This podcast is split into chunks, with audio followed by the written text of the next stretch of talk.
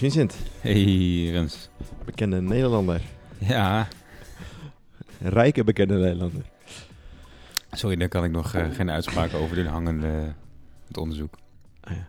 Want jij was gisteravond eh, op tv bij eh, Met het Mes op tafel. Je grote droom is waarheid geworden. Ja, Fijne ontspanning tijdens deze coronacrisis. Ook voor mij als ja heb je... Collega. Heb Ik je... ben gejuicht met je. Ja. Ja.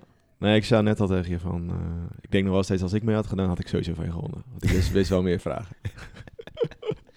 Ja, als we kijken naar de, naar de stand van, eh, van de quiz dan... eh, ja.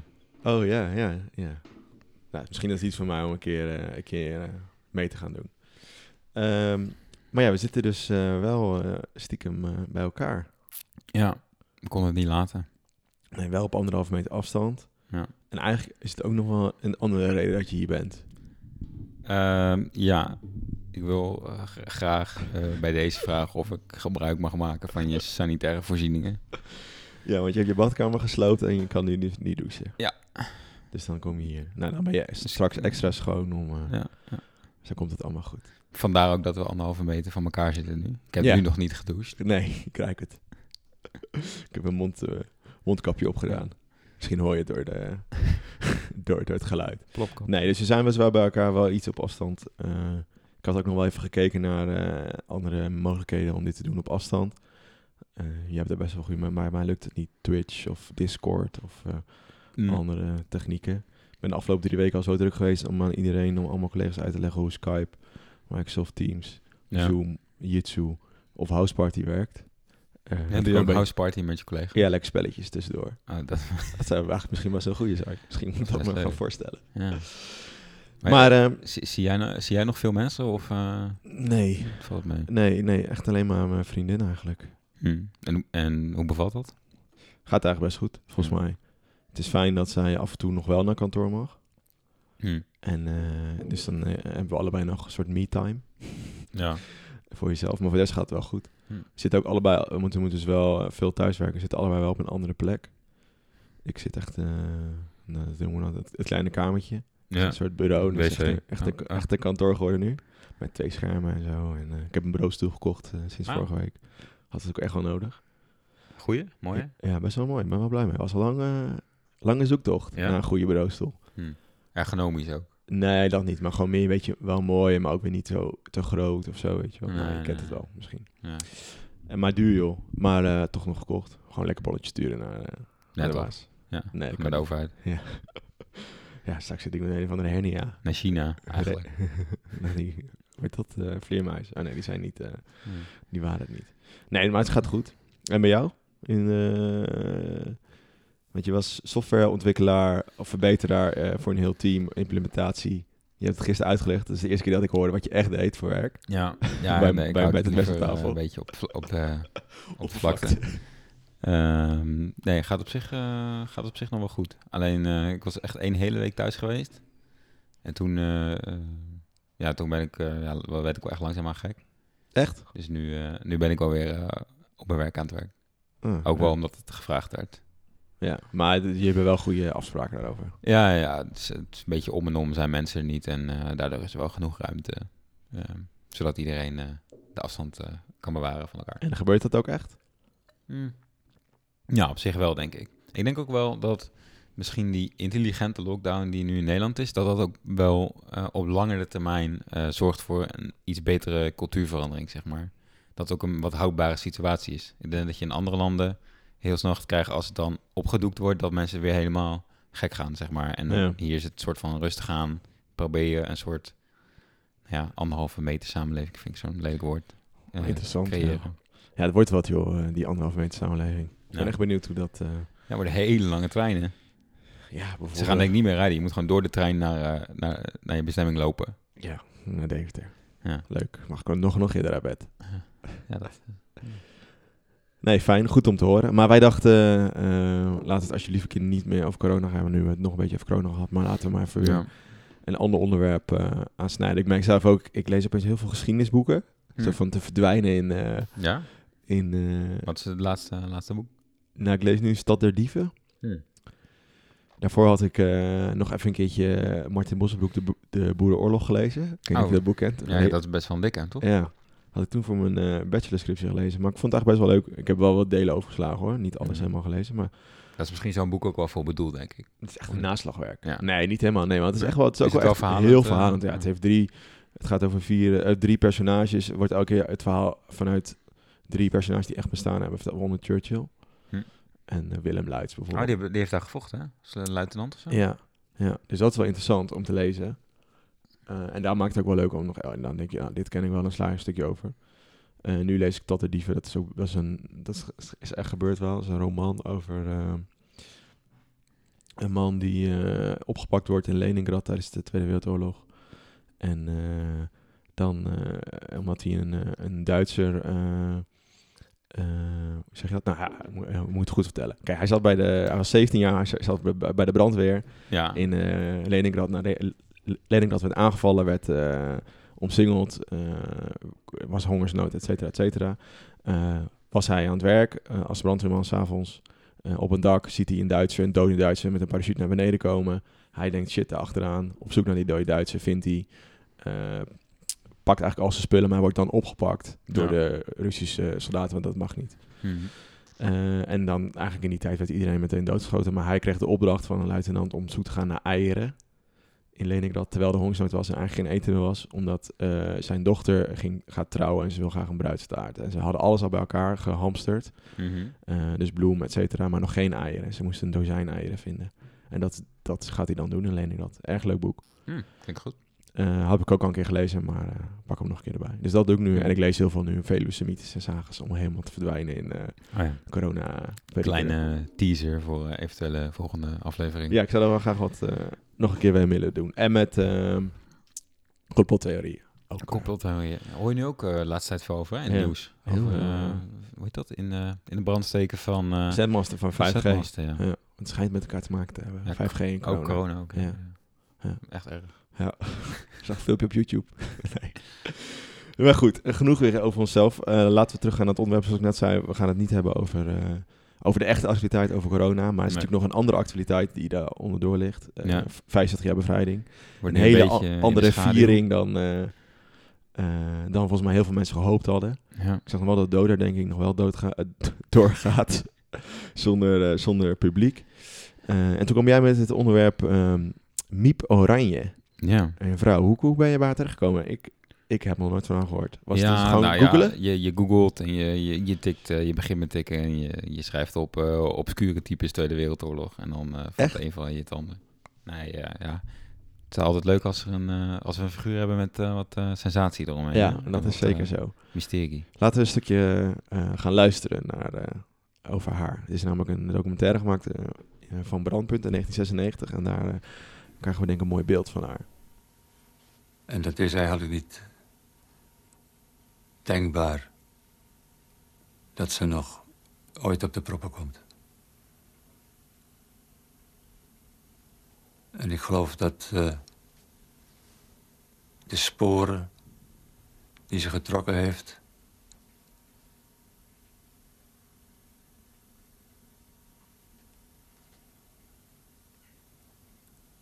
onuitwisbaar blij- blijven. Ze is dus eh, onvindbaar.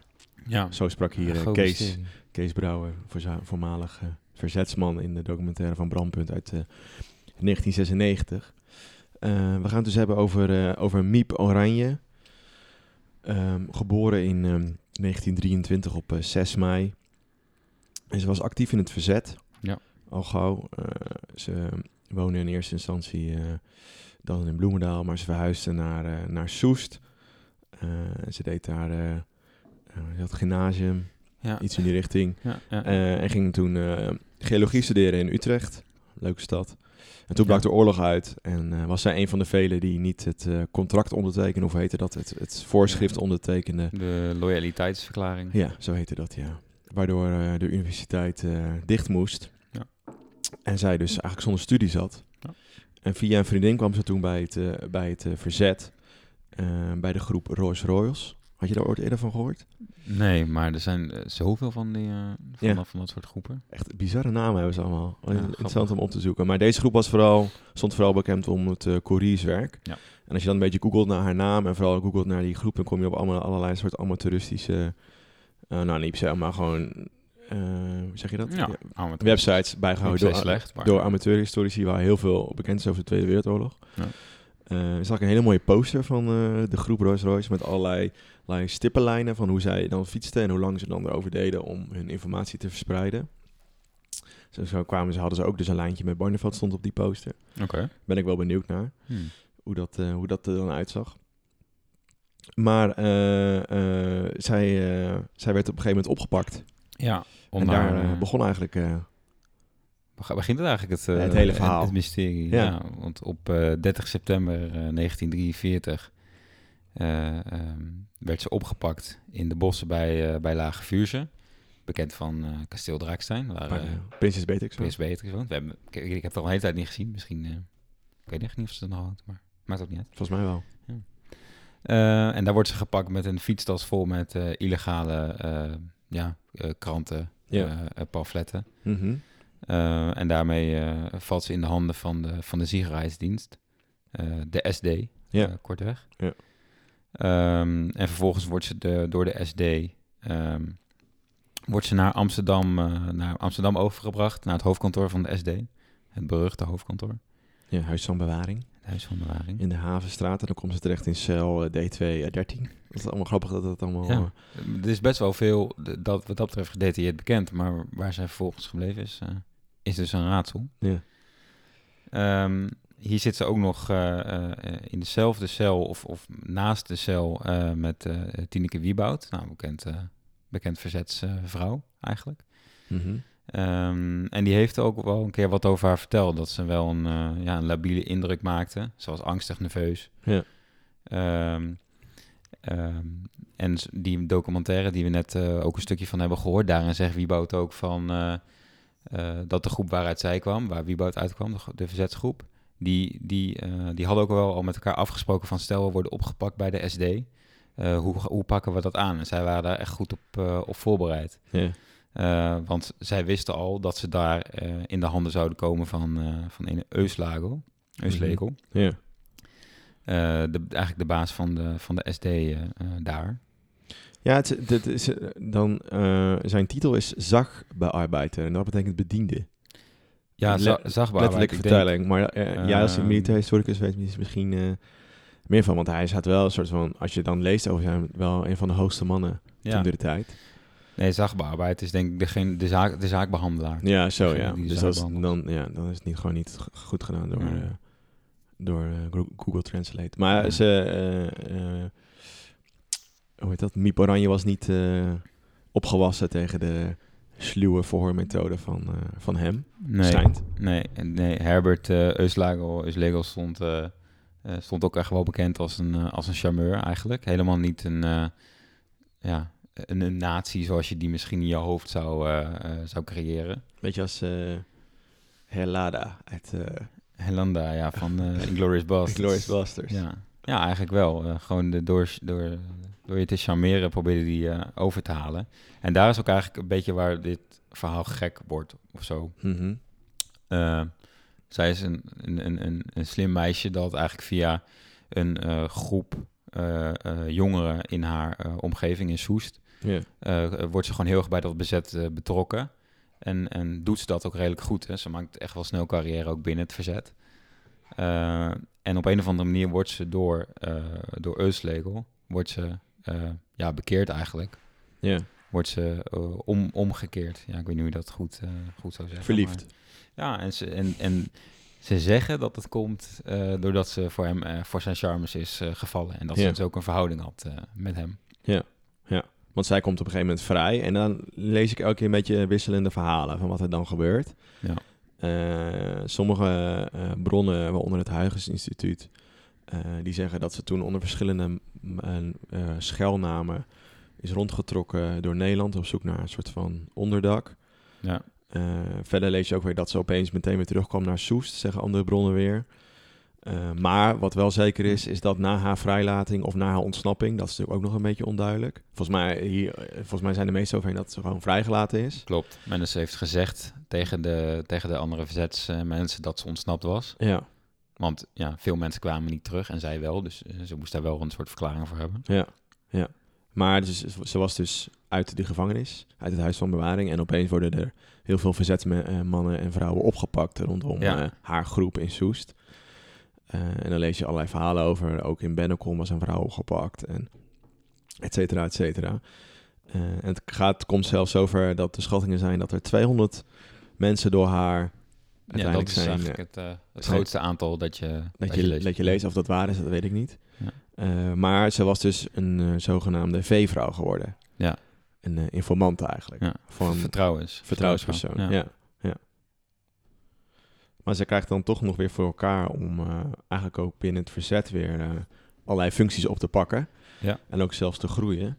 Want in juli 1944 eh, weet Miep Oranje op, eigenlijk, ja, op toedoen of door een goed woordje van Kees Brouwer, die we net hoorden in die documentaire, dat ze dan uh, koerierster en privésecretaresse wordt bij Landelijke Organisatie voor Hulp aan Onderdijkers, de LO. Ja. Ehm, en daardoor krijgt ze eh, allerlei, eh, nou nee, krijgt ze toegang tot allerlei eh, privégegevens en illegale contactadressen. Ja. En Ja, want ze zat eigenlijk heel hoog, eh, hoog in de boom Ja, van, van, die, van die organisatie gelijk. ja, en ze was dus nog maar 21 op dat moment, hè, Ja. 1944. Ja. Dus moet je nagaan. Ja. Hoe, eh, hoe ze dat dan... ja, goed, maar ik denk dat dat zie je wel veel in al die verzetsgroepen, dat er veel, heel veel jonge mensen die Ja, ja. dat dragen. Maar, eh, en daar, daar, ja, doordat ze die illegale contactadressen krijgt, eh, lopen er steeds meer mensen tegen de lamp. En worden steeds meer mensen opgepakt. En daar komt eigenlijk ook dat cijfer van, eh, van 200 vandaan. En waaronder de, de LO-oprichter Helena Rietberg wordt eh, na haar verraad aangehouden en gefusilleerd. Ehm, of andere, en anderen vonden weer de dood in, in de Duitse kampen. Dus het is echt een enorme Ja, eh, slagveld eigenlijk die zij eh, achterlaat of veroorzaakt. ja. En iedereen is het dus wel over eens dat zij daar achter, dat het haar schuld ook is. Dat Ja. is wel, daar wordt niet over getwijfeld. Maar in principe waar zij ging, eh verdorde het gewas, zeg maar. Ja. Dat, was, eh, dat was wel een beetje eh, waar het om ging. Maar dan, dan, eh, dan verdwijnt ze opeens. Maar laten we het daar straks over hebben. Is tijd voor de quiz. Quiz.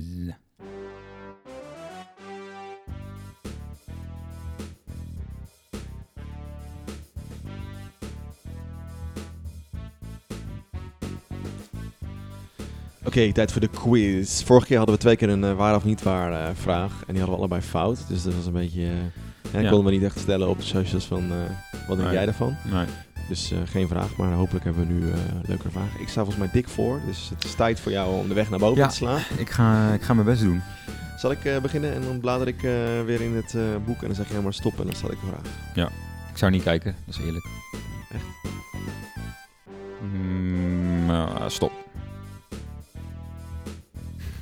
Bij de antwoorden. Ik zat bij de antwoorden, ja. Dat is makkelijk. Maar ik heb wel, eh, we zitten wel in dezelfde tijd, Oké, als we het nu over hebben. leuk. Eh, ik kies een getal tussen de 68 en 74. Kies maar uit. Eh, ik kies een getal tussen... Ja, dan moet ik... eh, Ja, sorry. tussen de 68 en de dus ga ik voor 71. Tijdens de Tweede Wereldoorlog was er sprake van een aantal keerpunten. Wat was het belangrijkste keerpunt in Rusland? Dat is onzin. Dat is gewoon een onzinvraag. Hoe bedoel je het belangrijkste keerpunt? Wat? Ja, het is echt een heel obje- Oké, subjectieve Is het eh meer keuze? Nee. Oh, nou dan eh, eh, ga ik voor de, voor de slag bij Stalingrad. Is helemaal goed. Yes. Wil je hier nog meer over vertellen? Wil ik hier nog meer over vertellen? Nou, is een leuke film, leuke film van. Met, eh, met Jude Law, Enemy at the Gates. Oh, als ja. ik het goed heb. Ja. Ehm, Nee, het ja. om die rivier, de, de Wolga. Dat ze daar omheen... eh, Ja, weet ik niet. Maar, ehm nee ja, slag bij, eh bij Stalingrad, hè. Dat is eigenlijk een, een, een klassieketje waar het gaat om oorlogsvoeren. Gewoon richting Moskou, dan altijd, altijd foute boel. Napoleon, Hitler. vind je, hoe heet dat, je, je, je Waterloo. Ja, die vind je Waterloo in Moskou. Maar goed, leuk. Eh, puntje voor jou erbij. Yes. Nou, zal ik hem wel een keer fout hebben? Express? Eh, Ah. Stop. Oh, nou, leuke tijd. 1800, 1849. Ja, daar ben ik op afgestudeerd. Ehm, geef mij maar even iets tussen de... nou, ik ben vandaag eens eh, ruimhartig tussen de 30 en de 40. 38. 38. Oh, multiple choice. Beter. Welk Latijns-Amerikaanse land verklaarde zich in 1816 onafhankelijk van Spanje en werd in tegenstelling tot andere opstandige landen niet door Spanje heroverd? Dus welk land verklaarde zich Dat onafhankelijk? is meer keuze, toch? 1816, ja. ja. Mag ik eh, zeggen wat ik als eerst denk? Eh, Of is het dan meteen een gok en dan telt hij niet? Oeh, vind ik... eh, Oké, doe maar niet lastig. dan. Nee, mag wel hoor. Nee, ik dacht Haiti, maar snap ik dat niet. Nee, dat is Dat was de eerste slavenopstand. Ehm, nee, het gaat tussen Argentinië, Brazilië of Mexico. Dan ga ik voor eh, Mexico. Ik zou echt niet weten dit, hè? Leuk. Misschien leren we weer wat vandaag. Eh, even kijken hoor. 38, 38. Oeh, nee, is niet goed. Shit. Helaas. Kunnen we die weer stellen op de, op de socials in Ja. ieder geval? Wat is het dan? Nee, niet zeggen. Dan zoek ik zo wel op. Leuk. Leuk. Oké, nou laten we weer teruggaan naar, eh naar de Tweede Wereldoorlog. terug naar, is eh, er niet groot mee geworden. terug naar Miep Oranje. We, hadden, we, we, we stopten eigenlijk net bij eh, de grote verdwijning van eh Miep Oranje. Maar ik wil eigenlijk nog iets zeggen daarvoor. Ja. Ehm het is een heel mooi interview met een andere Miep. Miep Kwel. Niet kwellen. Kwellen of Kwel? Ja. Lastig. In ieder geval eh, een, een voormalige vriendin van haar die eh, ervoor zorgde dat zij eh, bij, het, bij het verzet ging. Ja. Eh, en zij interviewde, zij had een interview in eh, 1991 in de Trouw over, over Miep Oranje. Ehm, en dat is eigenlijk wel, dat, ja, volgens mij dat verklaart ons hele verhaal van net, of dat bevestigt ons hele verhaal van net. Mag ik een klein stukje eh, Jo. voordragen? Ehm, kijk, ze is op een gegeven moment eh, is ze eh, opgepakt en overgelopen, zegt eh, Miep Kwel. Ze werd het liefje, het van een hoger SD'er, maar daar zijn we uiteraard pas later op achtergekomen. Op een dag stond ze plotseling bij ons op de stoep, vermomd als oude vrouw. Ze vertelde dat ze was ontsnapt en een onder, onderuitduikadres zocht. We vertrouwden niet helemaal, maar konden haar niet betrappen op fouten. We hebben haar het voordeel van de twijfel gegeven. Maar ze heeft ons er allemaal bij gelapt. Mijn vader en broers werden meteen opgepakt. Twee SD'ers bleven in ons huis posten om ook de andere leden van de groep in de val te laten lopen. Het moment was heel goed gekozen. En daarom vermoedde ik het meteen al dat Miep Oranje erachter zat. De inval gebeurde namelijk op zaterdagnacht. Zondag was de verjaardag van mij en mijn verloofde. Miep wist dat de hele groep dan lang zou komen. Dus dat laat zien dat ze hè, er goed over nadacht en de juiste momenten uitkoos om, eh, eh, Ja. Om, eh, om, om, haar, eh, hoe heet dat? Om, te, om, haar in te- om, om haar Duitse liefje in te lichten. En het eh, artikel eindigt dat ze, dat ze Miep- Miep Oranje nooit meer heeft teruggezien. Want ze, ze, was ver- ze vluchtte op, op Dolle Dinsdag en sindsdien was ze ontvindbaar. En daar wil ik graag verder gaan met jou. Ja. Een soort uh, dominee, een soort ouderling. Ja, want op, wat je zegt, op, op Dolle Dinsdag vluchtte zij vermoedelijk naar Duitsland. Ja, maar daarvoor had ze dus nog wel haar vader bezocht. Klopt, Die, ja. Eh, haar moeder was overleden inmiddels en eh, ze kwam eh, de sieraden van haar moeder ophalen. Die hielden ze toch... ja. Hebben. Dit detail wordt, wordt eigenlijk. overal vernoemd, maar Ja. niet echt uitgelegd waarom en wat ermee Ja. gebeurt. Ja, waarschijnlijk geld, maar... Ja. Zou- dat bij een, eh, eh, bij een heldenverhaal ook worden verteld? Of, of is het nog om iets aan te zetten van... Sowieso om aan te zetten. ja. Plus had het ook de laatste keer dat haar vader haar gezien had. Dus dat is natuurlijk ook wel hè, een soort aanknopingspunt. Ja. Eh, maar daarna ver- verdween ze dus van het toneel. En waarschijnlijk is het op, op advies van die, eh, van die Duitser. ja. Eh, Zoals veel, eh, ja, eh, veel NSB'ers eh, en, en hooggeplaatste Duitsers eh, op Dolle Dinsdag al eh, huiswaarts gingen, ja. eigenlijk. Ja, Eh, eh, deed zij dat ook. En zij ging eh, waarschijnlijk in Duitsland werken voor het, eh, voor het Rode Kruis. Mhm. Ook wel interessant vond ik dat. Ja, Eh, dat is toch zo, was, ja, was dat dan niet een internationale organisatie op dat moment? Werkte dat dan niet samen? weet ik niet. Het zou, zou ook wel gewoon, ja, ja, misschien ook wel. Zou wel mooi zijn. Ik weet het echt niet. Nee, ik weet het ook niet. Normaal heb je natuurlijk altijd dat de Rode Kruis een soort van eh, hè, overkoepelend is. En iedereen, ja, het is eh, universeel... ja, eh, als, het, als het Rode Kruis ergens op staat, dan ga je dat niet aanvallen bijvoorbeeld. ja, Hoe werkte dat eh, goed met, het Duitse Rode Kruis? Want dat wordt elke keer genoemd. Ze ging bij het Duitse Rode Kruis. ja. Het Rode Hakenkruis dan, denk ik. Dat heel grappig zijn. Ja, maar daar trad ze dus in dienst. En ehm, ehm, haar laatste keer dat ze betaald kreeg, laat me zeggen, vol- volgens de papieren, was in januari 1945. En toen eh, verdween ze officieel helemaal. Maar niemand heeft haar eigenlijk meer gezien in die tussentijd. Nee. Eh, en eigenlijk beginnen dan de wildste verhalen. Ja, er zijn eh, echt wel een aantal verschillende scenario's Ja. die men onderzocht heeft eigenlijk. Mhm. Eh, nou, het begint er eigenlijk mee eh, dat ze op 3 oktober 1962 eh, wordt doodverklaard. Best wel laat. Dat is best wel laat. Ja. Eh, door de rechtbank in, in Utrecht. Omdat elk spoor van haar ontbreekt. Dus tot die tijd hebben ze haar echt wel gezocht. Maar veel verhalen zijn eigenlijk van na, ook echt nog wel na die tijd. Omdat ja, toch een beetje een raar verhaal blijft van de koeriester des doods, hè, was haar bijnaam. Ja. Eh, dat hij zo van het toneel verdween en nooit meer is, eh, nooit meer is teruggezien. Mhm. En niet zoals eh, veel andere oorlogsmisdadigers of Ja. ja, collaborateurs. Werd veroordeeld na de oorlog in de bijzondere rechtspleging eigenlijk. Ja. Ehm, er is een verhaal dat zij eigenlijk ehm, met een Amerikaanse militair naar de, naar de Verenigde Staten zou zijn, zou zijn gevlucht. Of nou ja, niet eens gevlucht, want toen was zij gewoon weer eh Miep Oranje die trouwde met een Amerikaanse soldaat en alles was weer goed.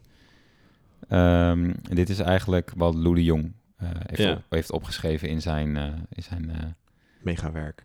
beroemruchte Koninkrijk der... Ja, maar dat is het enige wat, wat, eh, wat over Miep Oranje in zijn dingen staat. Dat, eh, dat Miep Oranje naar de oorlog verdwenen bleek te zijn. Het schijnt dat ze, ja, dat ze een tijd lang in Duitsland ondergedoken is geweest. En dat ze vervolgens als echt, echtgenoot van een hoge Amerikaanse militair, militair naar de Verenigde Staten is vertrokken. Ja. Dus dat is een soort van de meest plausibele...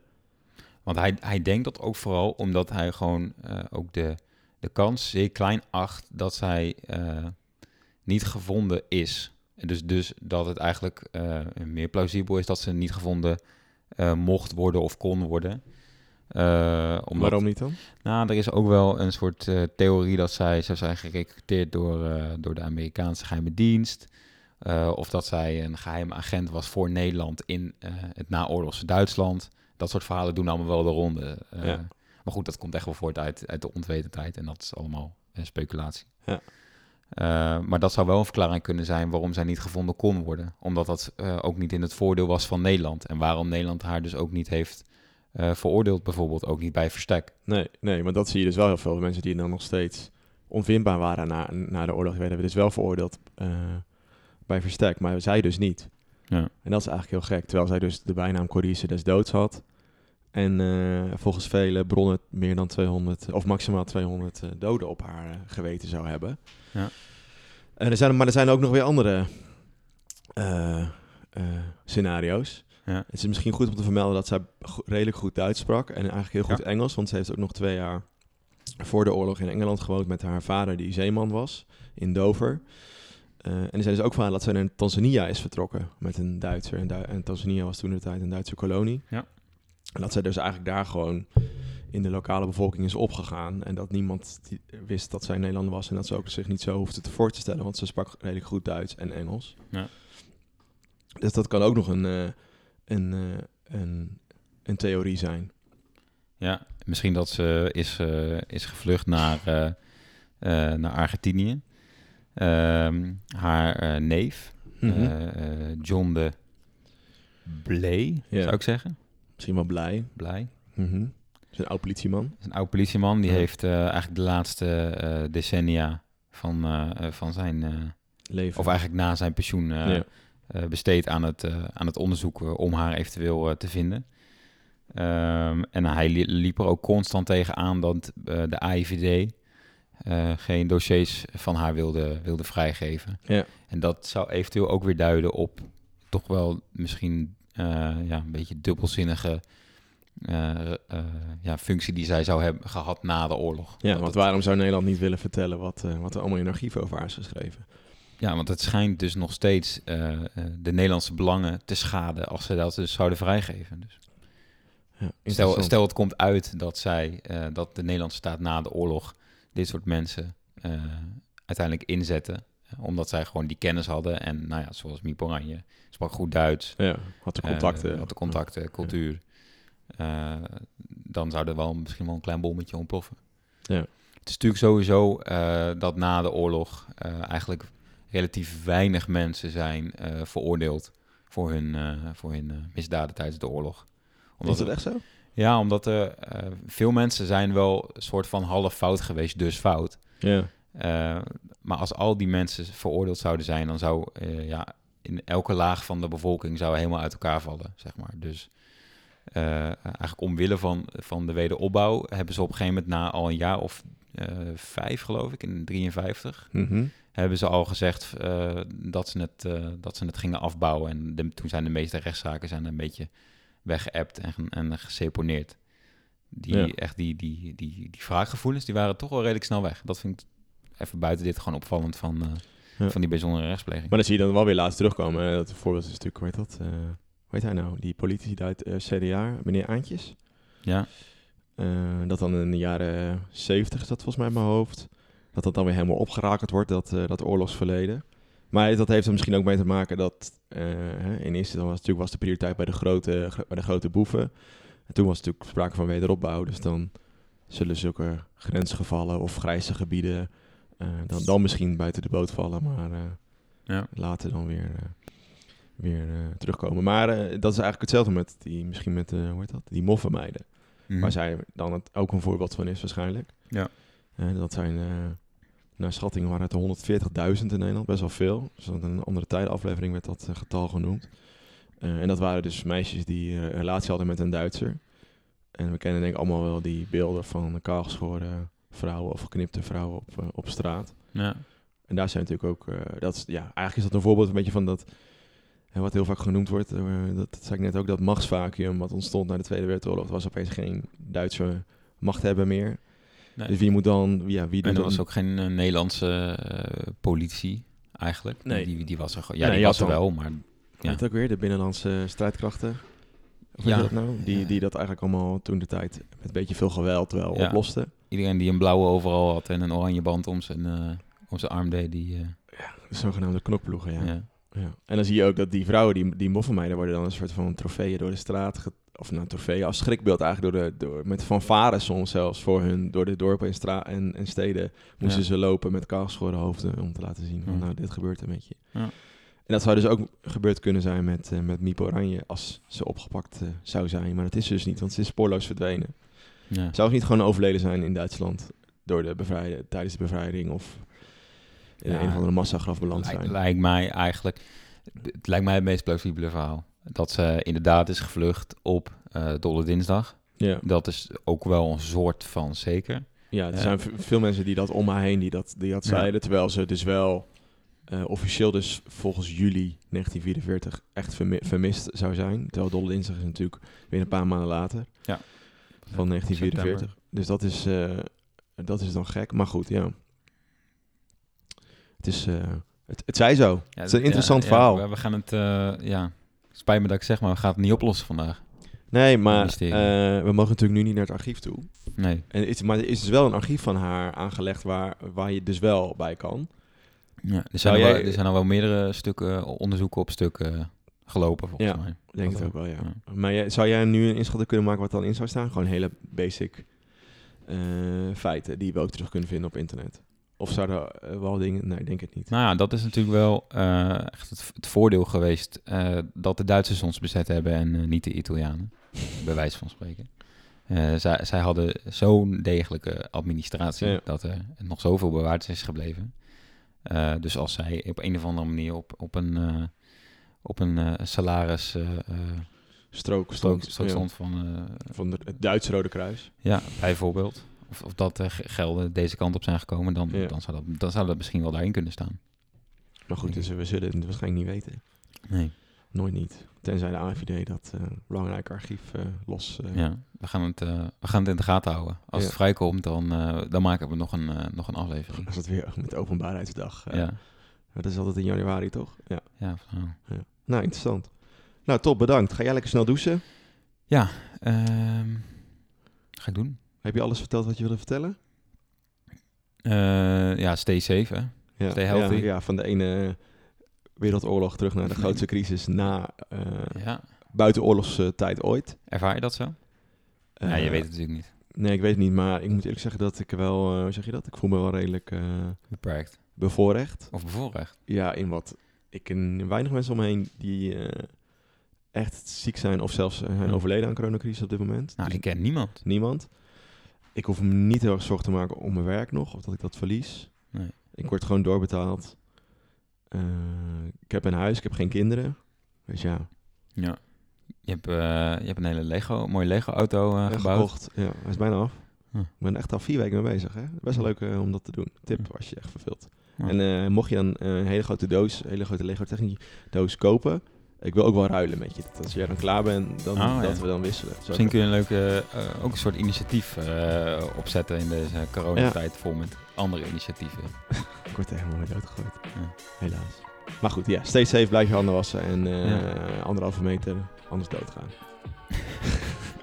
Oké, tot de volgende keer. Ciao.